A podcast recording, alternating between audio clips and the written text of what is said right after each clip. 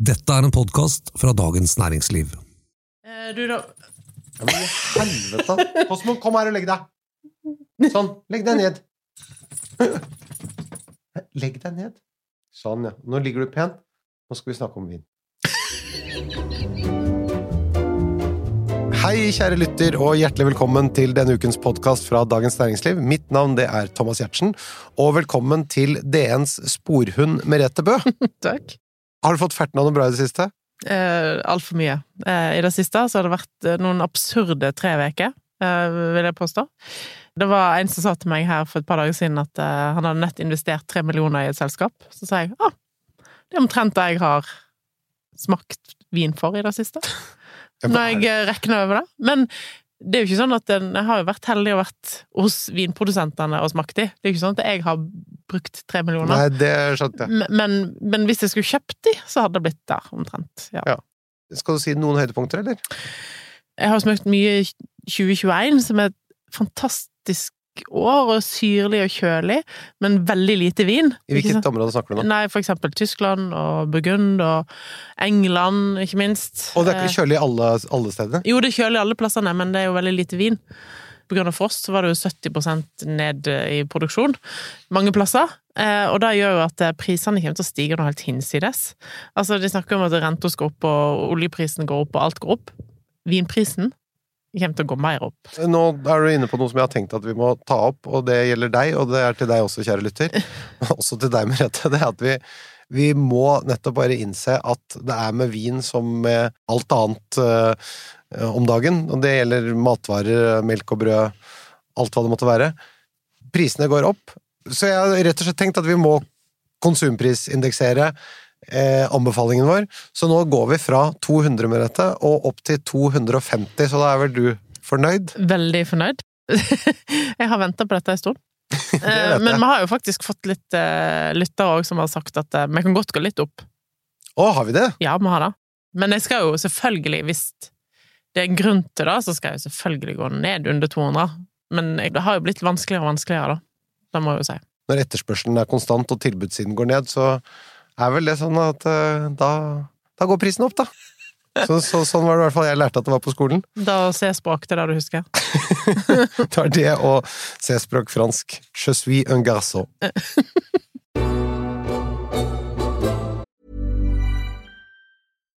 Millions of people have lost weight with personalized plans from Noom, like Evan, who can't stand salads and still lost 50 pounds. Salads, generally, for most people, are the easy button, right? For me, that wasn't an option. I never really was a salad guy. That's just not who I am. But Noom worked for me. Get your personalized plan today at Noom.com. Real Noom user compensated to provide their story. In four weeks, the typical Noom user can expect to lose one to two pounds per week. Individual results may vary. Jeg får sommerfølelsen nå, Mm. og det tenkte jeg skulle rett og slett feire med å ta meg et stykke kongen av kjøtt, nemlig biff. Det er ikke så ofte jeg gjør det. Nei, det, du, det er ikke hverdags. Nei, men jeg tenkte at denne episoden tenkte jeg rett og slett at vi kunne vie til å snakke om vin til biff. Altså gode gamle biffvin. Mm. Er ikke det Det har vi rett og slett ikke snakket om. Nei, eh, det er ganske rart, egentlig. For Fordi at noe av det som er mest googla når det gjelder mat, det er hvordan steke biff. Hvis du spør nordmenn hva som er favorittmåltidet, så er det biff på Mm. første. Ja. Og så Eh. tror jeg reker faktisk er på andre. Du tror? Ikke taco? Nei, tror jeg ikke. Nei, ok. Altså, jeg tror de liker taco, men jeg tror ikke det er på andre. Nei. Jeg tror reker er Ut ifra det jeg har sett, dette kan jeg komme tilbake til, og jeg vet ikke om kildene mine er pålitelige, men eh, jeg tror eh, ganske bestemt at eh, reker var på andre, men det skal vi ikke snakke om i dag. I dag er det biff! Ja. Og da tenkte jeg vi kunne ta, gå gjennom litt forskjellige biffretter, Mm. og hva som blir de beste vinene til det. Har du noe biffminne som du har lyst til å løfte frem med dette? Ja, uten tvil. Altså, jeg har er veldig kjøttinteressert. Jeg føler at jeg har vært skumma fløyten når det gjelder biff i hele verden, egentlig. Jeg har vært øh, nesten alle verdensdeler for å smake det beste kjøttet som de har. Men jeg må si at uh, i 2007 så var jeg i Buenos Aires um, og spurte etter den beste restauranten. Det var ikke Sosiale medier var jo liksom ikke kommet, og det var liksom ikke så utbygd internett, i hvert fall ikke der. Ikke dekning, så du kunne liksom ikke google det fram til alt. Så jeg husker jeg spurte hva er den beste restauranten, og fikk beskjed om å gå på Cabanas Las Lilias, mm -hmm. uh, som ligger i havnen i eh, Buenos Aires, Og og fikk beskjed om at det var en veldig, veldig dyr restaurant. Okay. Og så tenkte jeg alt er jo relativt, og da var jo veldig høy inflasjon i landet, for da, så alt føltes jo veldig billig for oss, da. Eh, så jeg var, reiste ned der, vi var fem stykken. vi spiste det beste kjøttet til dags dato jeg no, noen gang har spist. Det største kjøttet, jeg tror det var sånn 1,2 kilo jeg spiste. Jeg heiv i meg det. Så det Spist? Hæ?! ja, det, det var jo null tilbehør, da. Men, altså, det var kun kjøtt, liksom? Ja, men du spiste 1,2 kilo kjøtt! Ja. men Får du sove etterpå, da? Ligger du og svetter hele natta? Nei, nei, jeg sover godt, jeg. Jeg husker vi drakk eh, For da var jeg veldig nysgjerrig på vin fra Patagonia, for det var ikke i Norge. Så jeg husker vi drakk da, eh, og hadde dessert og avec og faktisk en sigar. Ikke jeg, men andre. Og eh, fikk en regning på 2500 kroner. Hæ? For fem stykker. Jeg har vært der en gang etterpå, og jeg var like happy. Um, og det kjøttet der har jeg aldri smakt etterpå. Den kvaliteten. Jeg kan nå forflytte meg til noe av det nest beste jeg har smakt, som er Kobe i Japan. Uh, der holder det med under 100 gram, for det er så mye fett inni kjøttet. Og det er jo omega-3.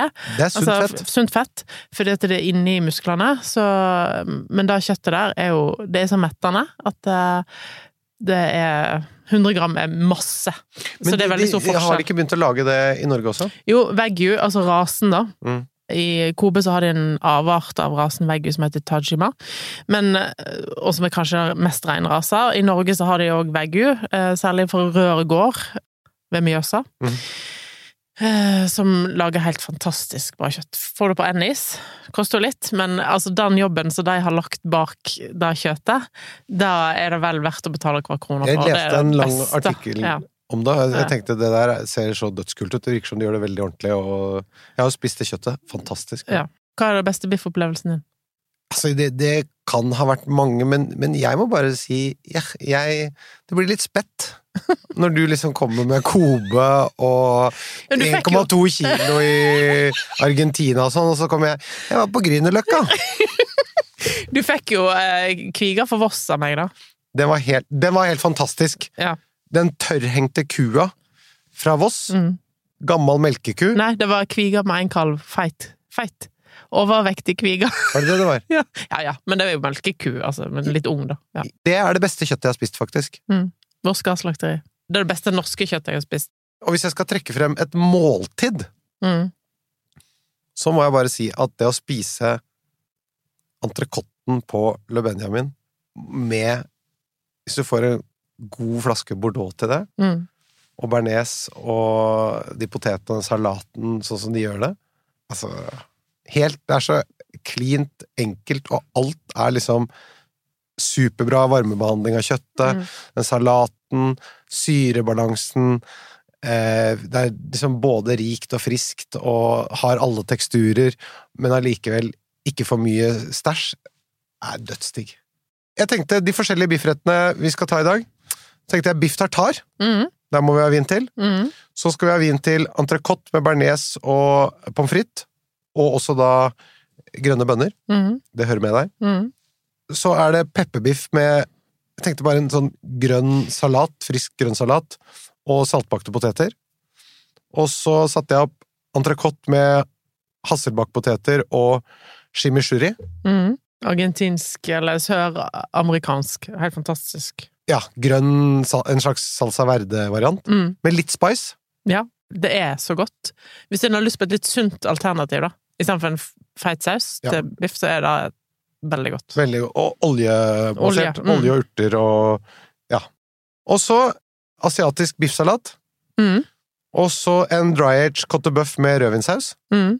Og så en barbecue tomahawk med søtpotet. Og wagyu-biff. Mm. Høres det ut som en plan? Det høres ut som en plan.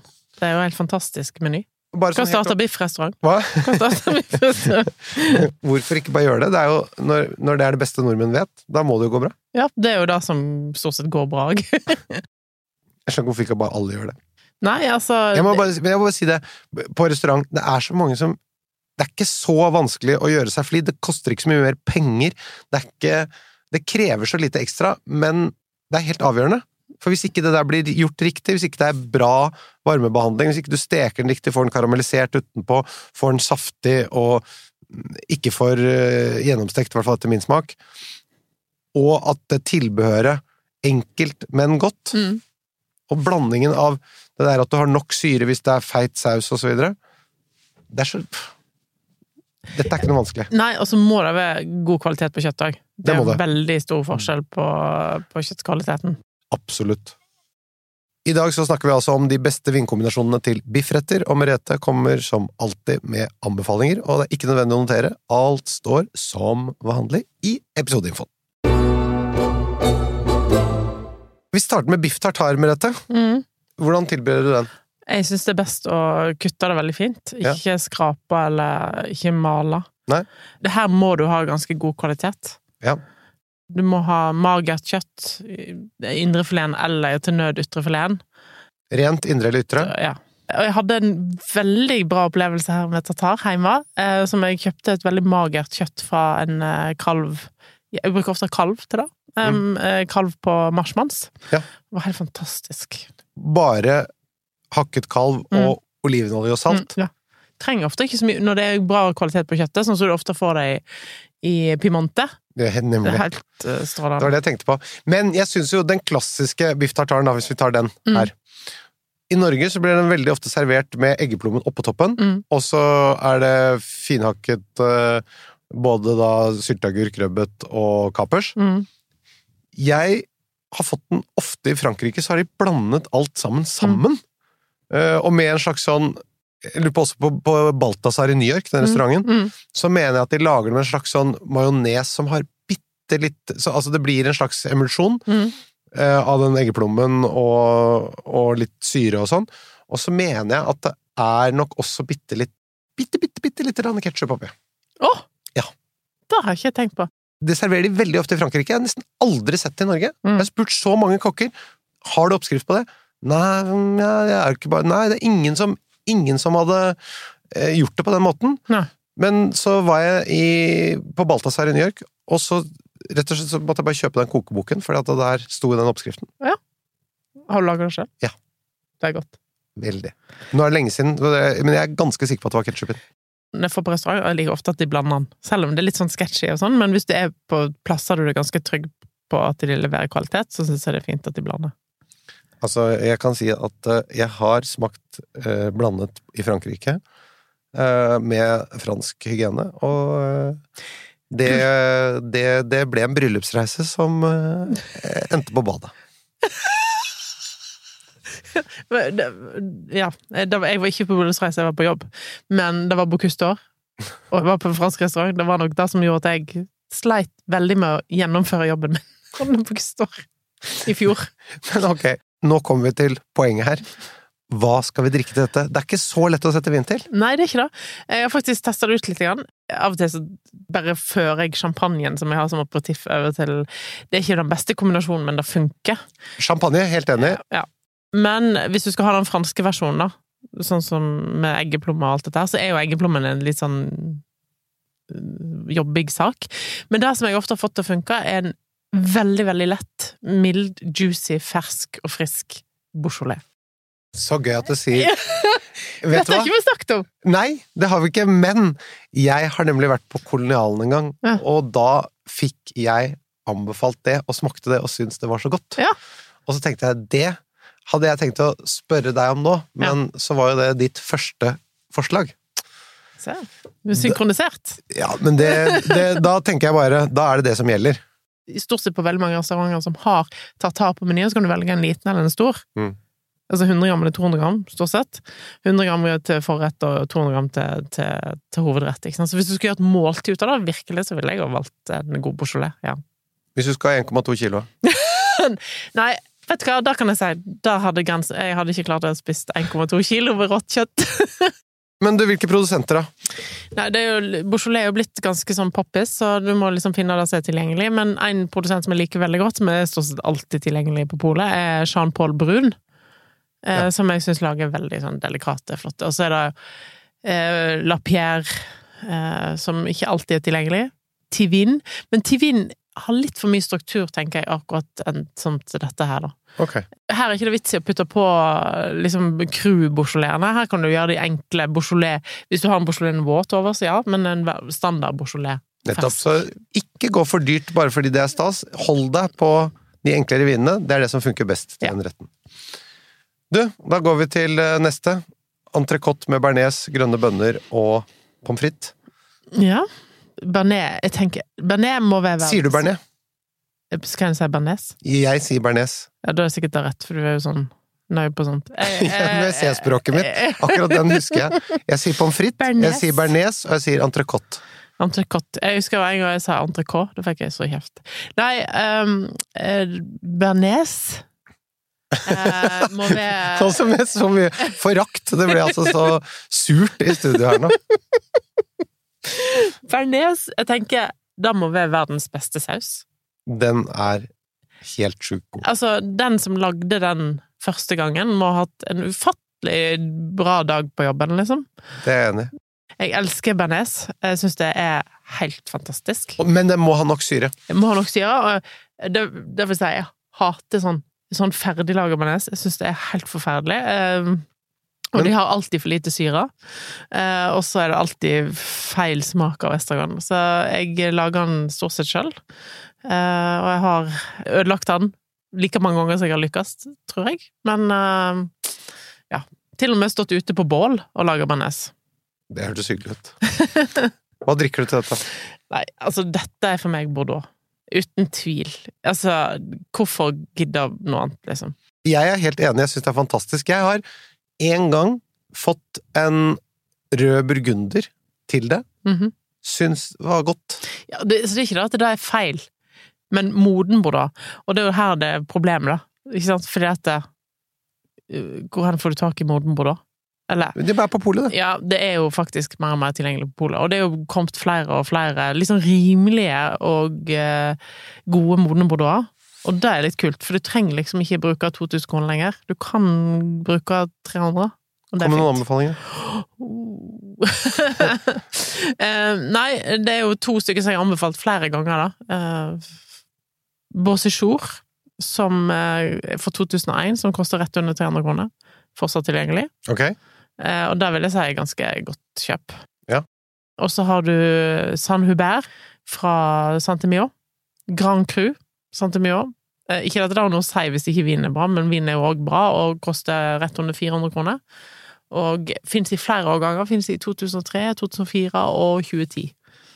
2010 er ikke det veldig bra, da? Jo, veldig bra. Alle kan- de årgangene er på en måte bra. Men 2010 kan du drikke nå? Den har gått av noen år til, altså, men du kan drikke den. Ja. Det er ikke så mye stallpreg på den ennå. Nei, eh, og jeg liker veldig godt De santemioene blir jo litt tidligere modent, syns jeg ofte, for særlig hvis de har mye mer lå. Ja, fordi Merlot det er en drue som da har litt mindre tannin, og som også brukes for å gi litt mer fylde til vinene. Men hvis den skal Altså, hvis den har moden Bordeaux i kjelleren, hvis du har en klassisk Pauillac eller Sant Julien, eller Hvis du har det i kjelleren, så er Ja. Åh, det høres godt ut. Å sitte ute i sommer, ete dette her oh.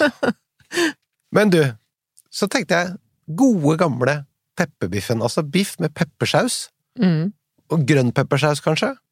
Ja, det er kjempegodt. Den sausen er jo ganske rik og feit og umami-tung og sånn. Da Mm. må du ha en lett og frisk grønn salat til. og så noen sånne saltbakte små poteter. Jeg syns det er ganske kult hvis du tar sånne bitte små eh, perlepoteter fra Bjertnæs. Mm, og de er så gode. Jeg var på middag hos noen venner av meg. Det de hadde gjort, de hadde bare tatt Bjertnæspoteter, la oss si én kilo oppi gryta. Da tok de en halv kilo grovt salt. Mm. Altså halvparten mengden potet uh, tok de i salt. Mm, Og så bare dekket over med vann. Mm.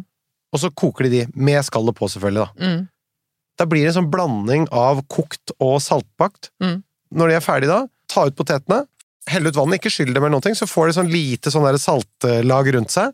Det er ikke i nærheten av å bli for salt, men det blir veldig, veldig godt. Det er helt fantastisk, de potetene. Og har du smakt de røde? Det er jo forskjell mellom de røde og de røde smaker. De er så søte. Ja, men jeg, jeg syns det er kult å blande det òg. Ja, ja. Så, så både rød og ja, det ser fint ut. Veldig fint. Nei, og så kan du òg Grønn peppersaus er kjempegodt, men òg hvis du kjører på med litt sånn god kvalitets svart pepper. Ja. Eh, fra Penya, for eksempel. I Kamerun, er det vel. Eh, som er så aromatisk i tillegg. Eh, da er jo dette en Hvis du kjører på med masse pepper, ikke sånn der snill eh, påsevariant, eh, så er det veldig godt med en ung vintage portvin. Det hørtes kult ut! Det er ganske kult. Men det er jo litt for viderekomne, da. Altså, men du må ha mye pepper. Altså, her er det sånn flere spiseskjeer med pepper oppi. Og det krasjer ikke med alkoholen i, i Nei, vinen. alkoholen forsvinner helt. Jøss, yes, navn. Fordi egentlig så strider jo det litt mot at hvis du får det sterke pepperet som brenner, så skal, kan det krasje med alkoholen, men det Er det fordi fruktsødmen i vinen, da, eller hva, hva Ja, det er fruktsødmen i vinen som, som gjør det. Og så eh, syns jeg Det er jo litt vanskelig å få tak i vintage portvin. Altså, det har jo blitt litt sånn inn igjen, så det, det blir jo stort sett utsolgt. Men eh, hvis du har fått tak i en ny port eller en Daus, eh, DOW, eh, de er ganske De har litt tanniner og har litt mer struktur enn eh, veldig mange andre portvin. Altså, de føles Det er litt mer rødvinsaktige, da. Men eh, da tenker du 1,2 kilo pepperbiff og en halv flaske portvin? Nei. Da er du gående etterpå. Da er du gående. Nei, det hadde jeg ikke klart. Det kan jeg si med en gang. altså, Jeg, jeg, jeg drikker jo veldig lite Det kan jeg bare si at uh, mitt tarmsystem er ikke laget for det. Nei. Men hvis du ikke har lyst på portvin, jeg skjønner veldig godt at folk ikke vil ha det, for det er litt sånn kraftig, så ville jeg ha prøvd en annen portugisisk rødvin. Gjerne oppi Durodalen, for det er de jeg har litt sånn den sødmefulle, flotte frukten. Så syns jeg Batuta. Batuta. Til Nyport En av hans uh, Dirk Nyport, sine beste viner. Koster litt, da. Koster 600 kroner på polet. Men er altså en god blanding av alle disse portvinstruene som er i en vintage portvin, men laget som en rødvin. Veldig flott uh, vin. Når det gjelder portvin, da, da holder det med et halvt glass. Ja, ja, ja. Det er jo bare du kan jo kjøre, Hvis du har et stort nok bord, så kan du jo prøve begge deler. Du vil egentlig drikke portugisisk vin uansett, du her. Ja, jeg syns da den, eh, særlig den druen Toriga Nasjonal, som finnes i Dordalen, den harmonerer utrolig godt sammen med, med svartpepper. Så er det entrecôte med hasselbakkpoteter og chimichurri, altså den litt sånn Hva skal vi si for noe urte, grønne salsa Mm, verde-varianten, mm, med litt spice. mm. Ja, her må vi på, en gjerne litt moden Malbec fra Argentina. Har litt sødmen til, eh, til eh, Durodalen, uten at det og, Mens det der søramerikanske krydderpreget. Eh, og så får du modne ting. Eh, en får ti år gamle modne malbekker på polet, og det syns jeg er kjempekult. Og det funker veldig godt til chimichurri. Produsent er det. Weinert. Ja. Uten tvil. Her er det mange å velge mellom. De har Magnum til 340 kroner. Er det den tolvårgangen? Ja. Er den inne fortsatt? Ja. Den er jo helt strålende. Er strålende til, eh, til akkurat dette. Hvor mye sa du den kosta på Magnum? 340 kroner. Da er vi under, eh, Ja, ikke sant? under lista på den. Og det er en ti år gammel vin fra, spør du meg, en av Argentinas aller, aller beste produsenter. Så, Jeg skriver check i boksen her. Du er til og med under 200. Ja. Da er det asiatisk biffsalat. Ja. Hva gjør du der? Eh, der eh, dropper jeg rødvin. Det kommer litt an på hvor mye spice du putter oppi. Eh, men selv hvis det er masse koriander, mye chili. Og mye syre, litt sødme Ja. og litt eh, Ja, litt chili, som du sier. Ja, da eh, ville jeg ha kjørt Riesling. Og med litt restsødme fra Gjerne restsødme, helst restsødme. Du kan, hvis du er veldig redd for sødme, så kan du kjøre en feinherb, men jeg har ofte tatt en kabinett. Ja. Og da snakker vi hvor mange gram sukker da? Nei, altså, gjerne ikke de søteste kabinettene med sånn 30 gram Det kommer litt an på syrenivå òg, ikke sant. Noen eh, kabinetter har jo sinnssykt høy syre. Jeg smakte nett en nå i forrige uke, så hadde 12 gram syre, liksom. Men det er, da kjenner ikke du sødmen nesten i det hele tatt. Så Nei, da går tannemaljen. ja. Men det, da snakker vi Mosel, da, eller? Mosel, ja. Uten tvil. Produsent? Eh, hvis Julian Hart sin er tilgjengelig, Gold Topchen, så tatt den. Pris på den, da? 220 kroner. Og så har du jo eh, Klauserat, som jeg syns lager i Mosøl, i, eh, i Trittenheim, som lager veldig strålende um, kabinetter. Klaus Petter Keller har kommet med kabinett nå eh, nettopp, som jeg Kabinett nå. Kabinett nå? Kabinett nå? Jeg, jeg, har du ikke egentlig sagt alt da? Du Ja. kan ikke si nettopp da. Nei, det var ikke Når du sier kabinett nå, så har du vel egentlig sagt nettopp òg. Du, du, han kommer jo med en kabinett nå. Ja. Du bare drar sammen ordene, på en måte.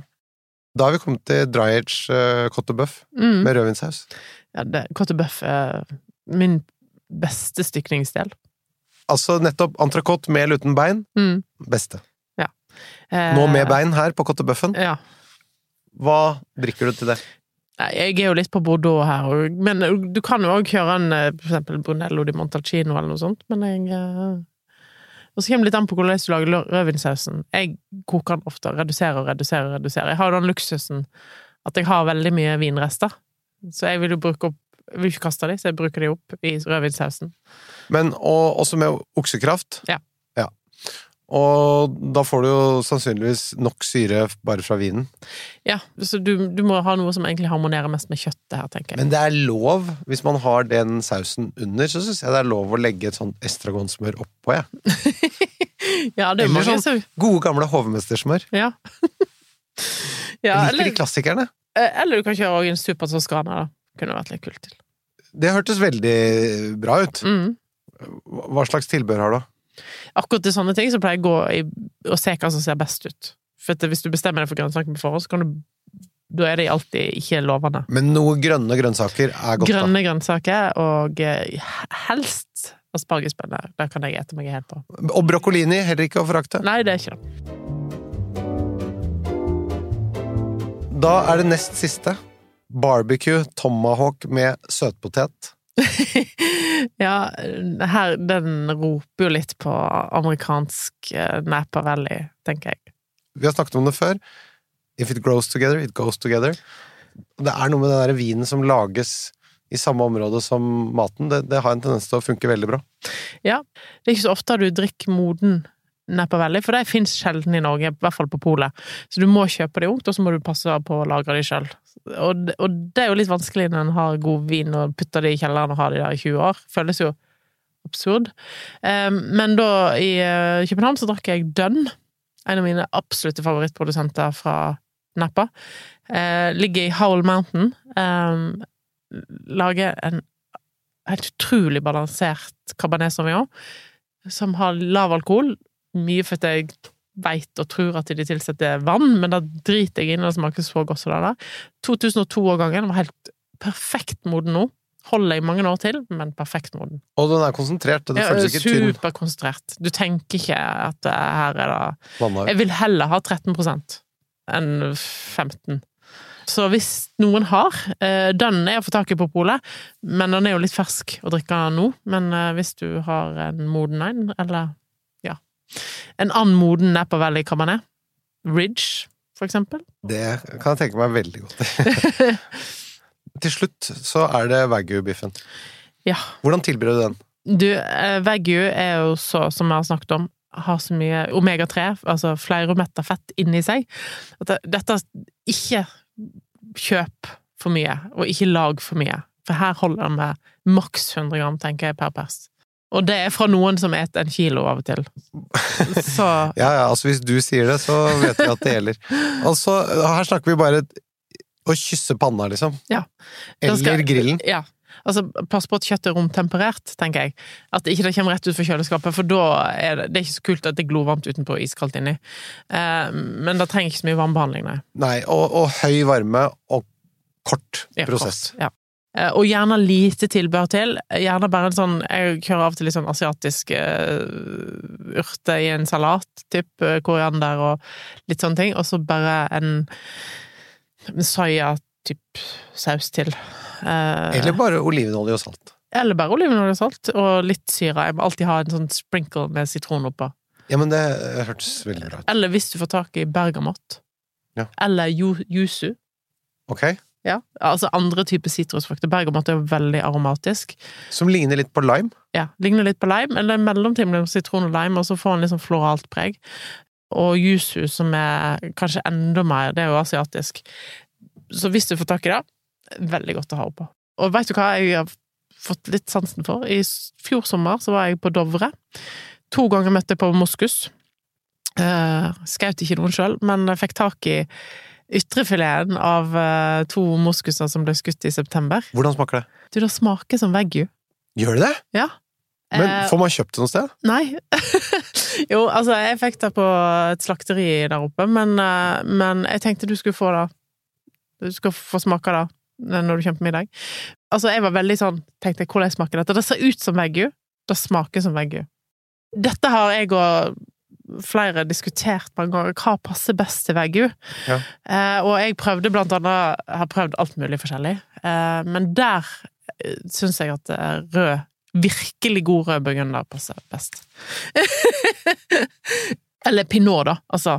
uh, pinot noir, uansett hvor det kommer fra, sånn sett. Men altså, at det, her trenger du ikke en så ekstremt kraftig vin, men, men ikke den letteste pinoten, men litt tannin må det være, men ikke veldig mye. Nei. Så dette er nettopp fordi den har fruktsødme Mm. og ikke er for tung, og ikke overkjører eh, de delikate smakene i kjøttet. Mm.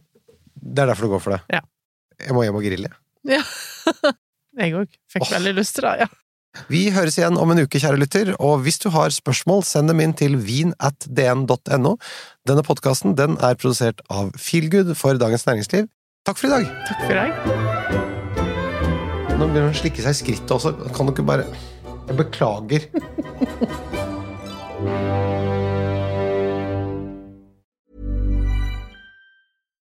Subtle results, still you, but with fewer lines. Botox Cosmetic, out of botulinum toxin A, is a prescription medicine used to temporarily make moderate to severe frown lines, crow's feet, and forehead lines look better in adults. Effects of Botox Cosmetic may spread hours to weeks after injection, causing serious symptoms. Alert your doctor right away as difficulty swallowing, speaking, breathing, eye problems, or muscle weakness may be a sign of a life threatening condition. Patients with these conditions before injection are at highest risk. Don't receive Botox Cosmetic if you have a skin infection. Side effects may include allergic reactions, injection site pain, headache, eyebrow and eyelid drooping, and eyelid swelling. Allergic reactions can include rash, welts, asthma symptoms, and dizziness. Tell your doctor about medical history, muscle or nerve conditions including ALS or Lou Gehrig's disease, myasthenia gravis, or Lambert-Eaton syndrome and medications, including botulinum toxins, as these may increase the risk of serious side effects. For full safety information, visit BotoxCosmetic.com or call 877-351-0300. See for yourself at BotoxCosmetic.com.